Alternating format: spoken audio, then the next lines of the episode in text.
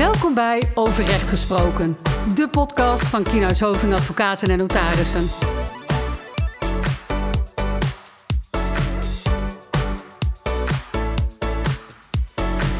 Welkom bij Over Recht Gesproken, de podcastserie van Kienhuis Hoving Advocaten en Notarissen.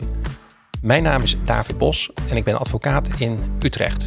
Ik houd me onder andere bezig met uh, bedrijven die het uh, financieel minder makkelijk hebben uh, in deze tijden en die hulp nodig hebben bij het regelen van hun schulden.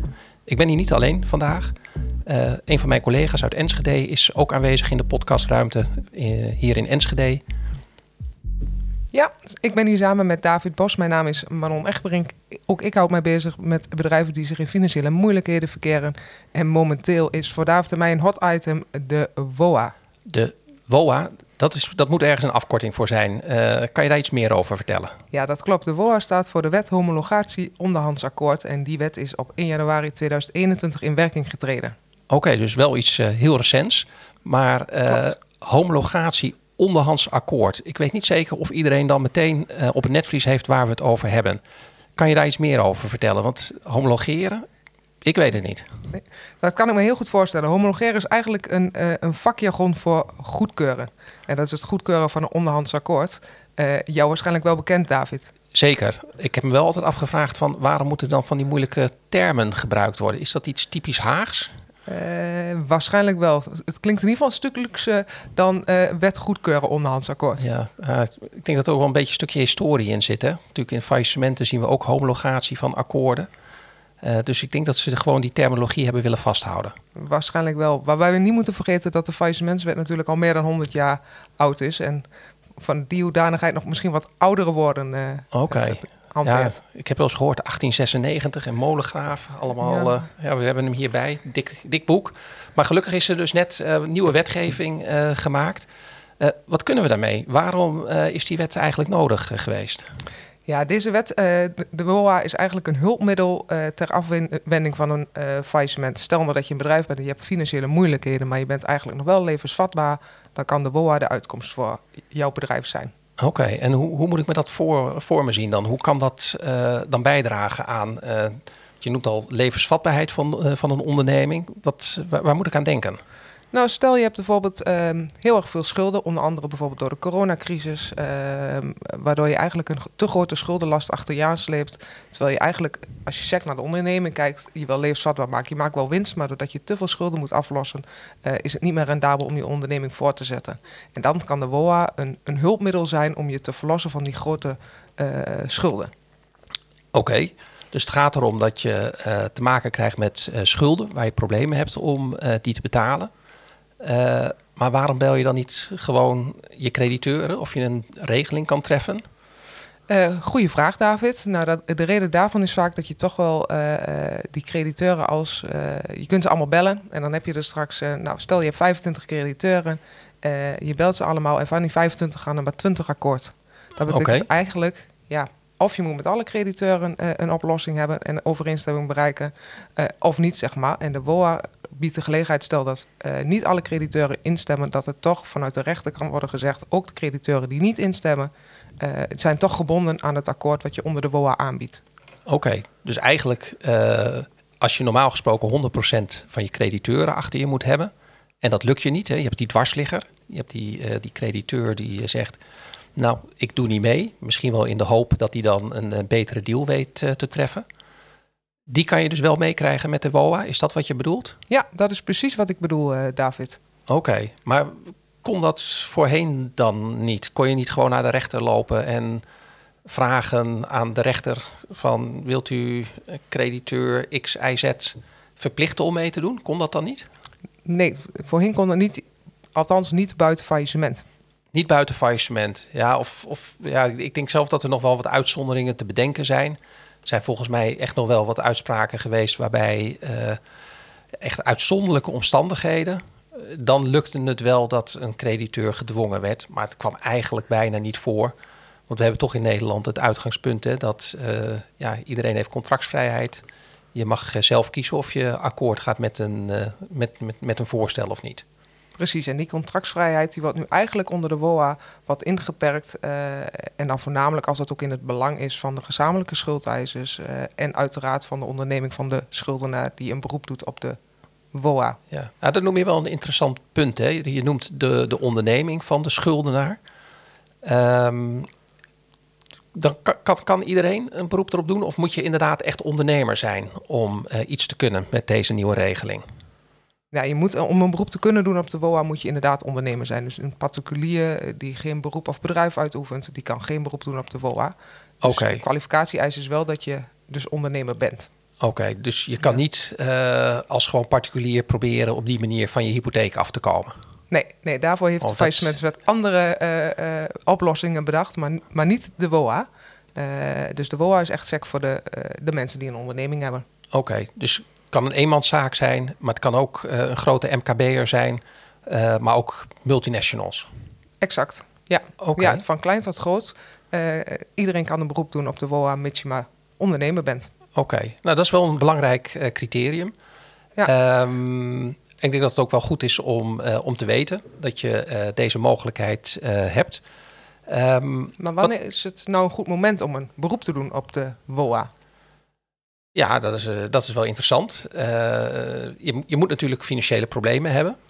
Eh, maar wat wel belangrijk is, is dat je nog een toekomst ziet. Je moet levensvatbaar zijn qua ondernemer. Dus je moet goed kijken naar de continuïteit. Ehm, en dan moet je gaan bepalen wanneer je een voorstel gaat doen aan je crediteuren. Ehm, ik denk zelf dat je daar goed over na moet denken. En dat je dat ook met eh, ja, eigenlijk je financiële adviseur zou moeten bespreken. En dat je eerst eens even een liquiditeitsprognose gaat maken. Om te kijken hoe lang kan je nog verder. Een belangrijk uitgangspunt hè, van, eh, van de WOA is dat je nog wel voorlopig aan je financiële verplichtingen kan blijven voldoen. Dus je moet niet te lang wachten. Want ja, als je, als je portemonnee echt helemaal leeg is, dan loop je wel tegen de grenzen aan. En dan steef je misschien wat eerder op een faillissement af. Dus je moet wel tijdig eh, daarmee starten. Ehm, wa- wa- wanneer zou jij daarmee eh, starten? Stel dat, ze- dat je daarover zou moeten adviseren. Wat, wat geef je dan een cliënt mee? Ja, ik geef toch wel een eh, cliënt mee dat... Ze noemen het wel eens de 5 voor 12 situaties, maar wellicht is het onder WOA wel goed om in de 10 voor 12 situaties eh, alvast te kijken eh, welke mogelijkheden zijn. Als je al voorziet van mogelijk eh, kom ik wel in de financiële problemen of ik, ik hik er net tegenaan, is dat denk ik wel het goede moment om alvast advies in te winnen. om te kijken van ja, wat zijn nog mogelijkheden? Want dan heb je eigenlijk nog het hele speelveld open liggen en kun je nog verschillende besluiten of beslissingen nemen die ja, als je langer wacht in het traject, eh, die mogelijkheden er niet meer zijn. Gewoon puur omdat, terecht wat je zegt, er moet nog wel enige liquiditeit zijn om de onderneming ook nog enige tijd voor te zetten. Oké, je, je hebt het over mogelijkheden. Aan wat voor mogelijkheden denk je dan? Eh, nou ja, bijvoorbeeld dus, dus het aanbieden van het akkoord. Ehm, maar dan, A, je moet het akkoord wel kunnen eh, financieren.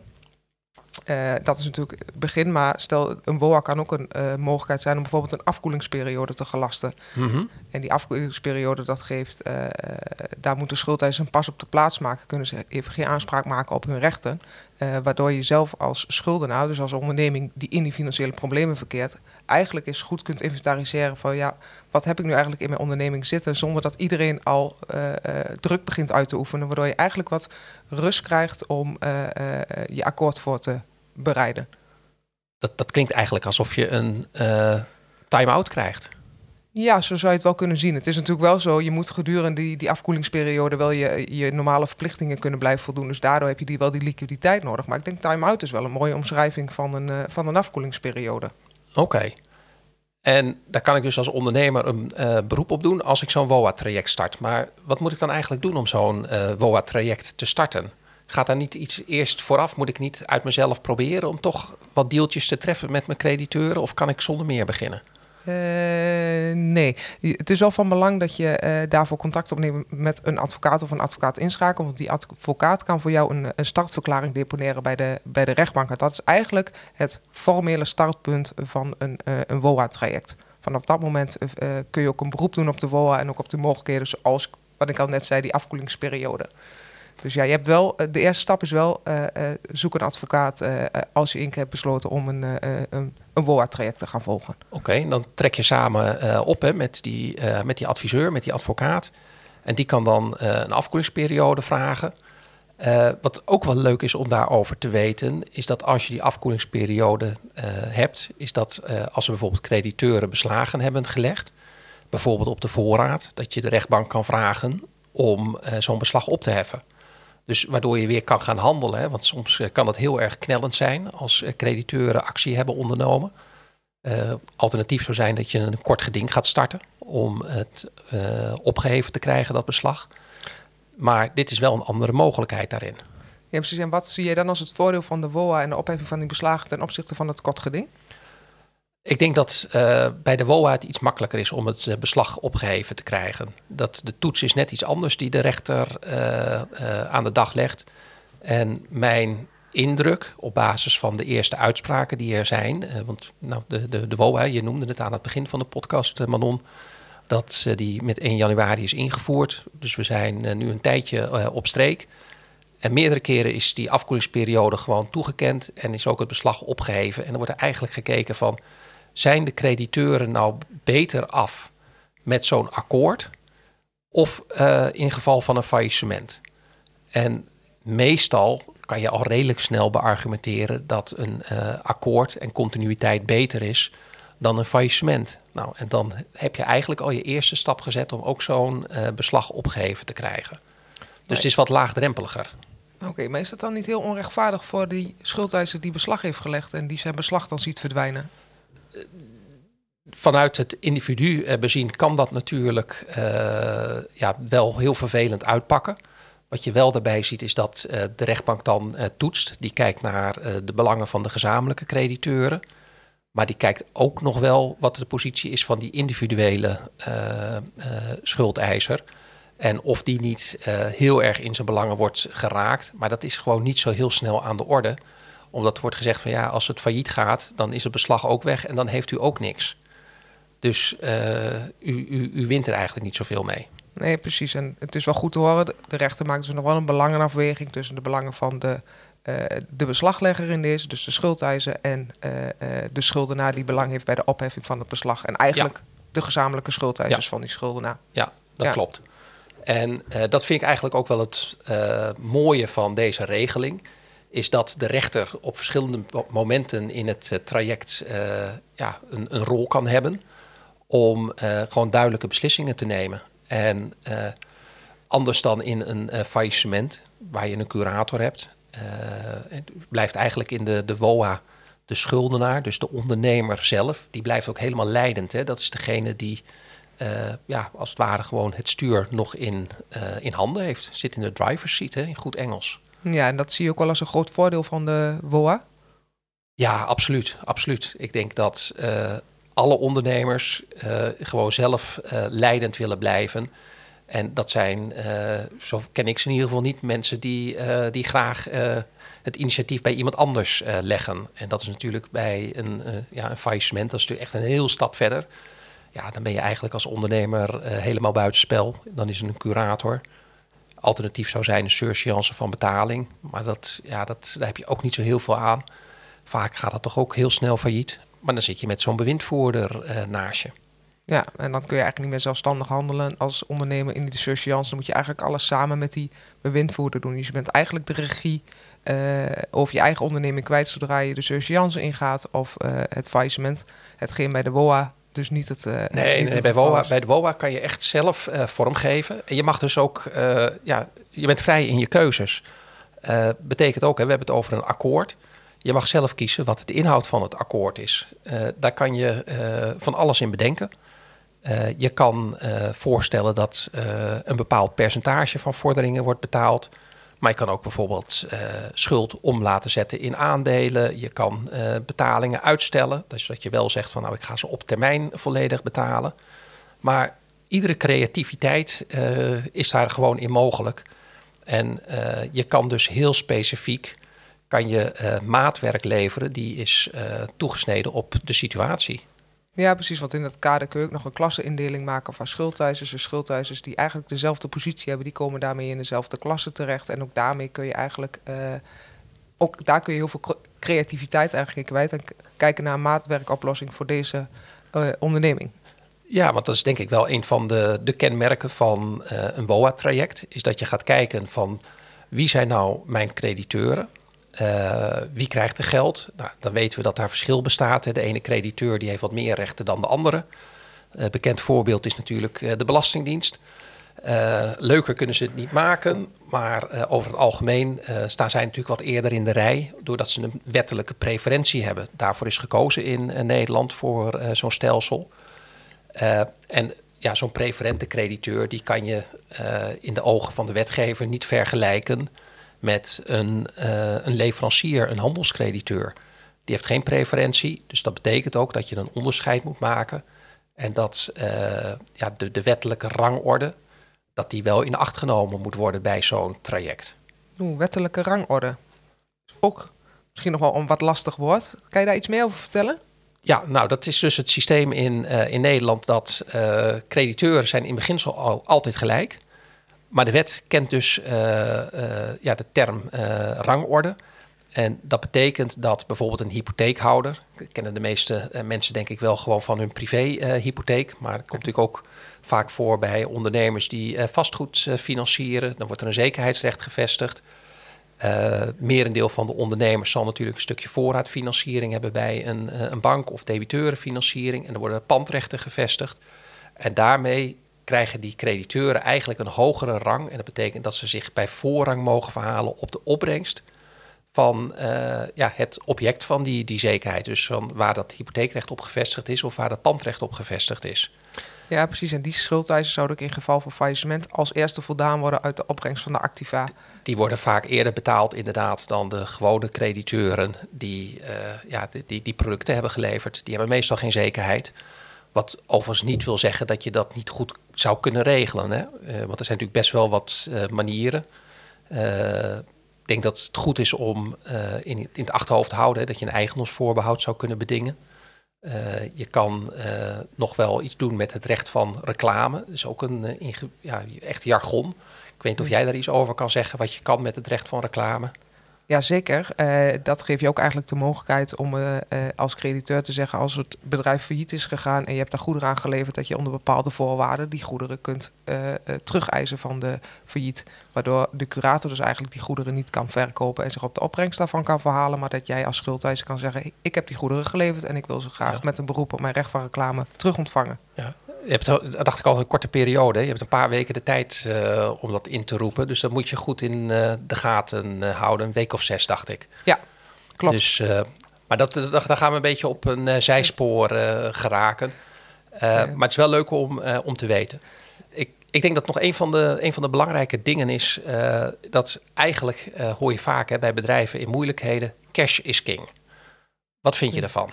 Is dat hier zo ook? Ja, dat is zeker zo. Zoals we al aan het begin van de podcast ook al even zeiden: van goh, het is wel van belang dat jij die, die weken dat je nodig hebt om dat akkoord onder die WOA aan te bieden, dat jij ook nog gewoon je vaste lasten kunt blijven betalen. Dus dat is één waarom Cash King is. En vervolgens heb je natuurlijk wel je geld nodig om om het akkoord te kunnen betalen. En dat maakt eigenlijk ook, uh, je vroeg me eerder David van, goh, wat is nu een goed moment om die WOA aan te vragen? Toen zei ik van, nou ja, liever 10 voor 12. Ja, waarom?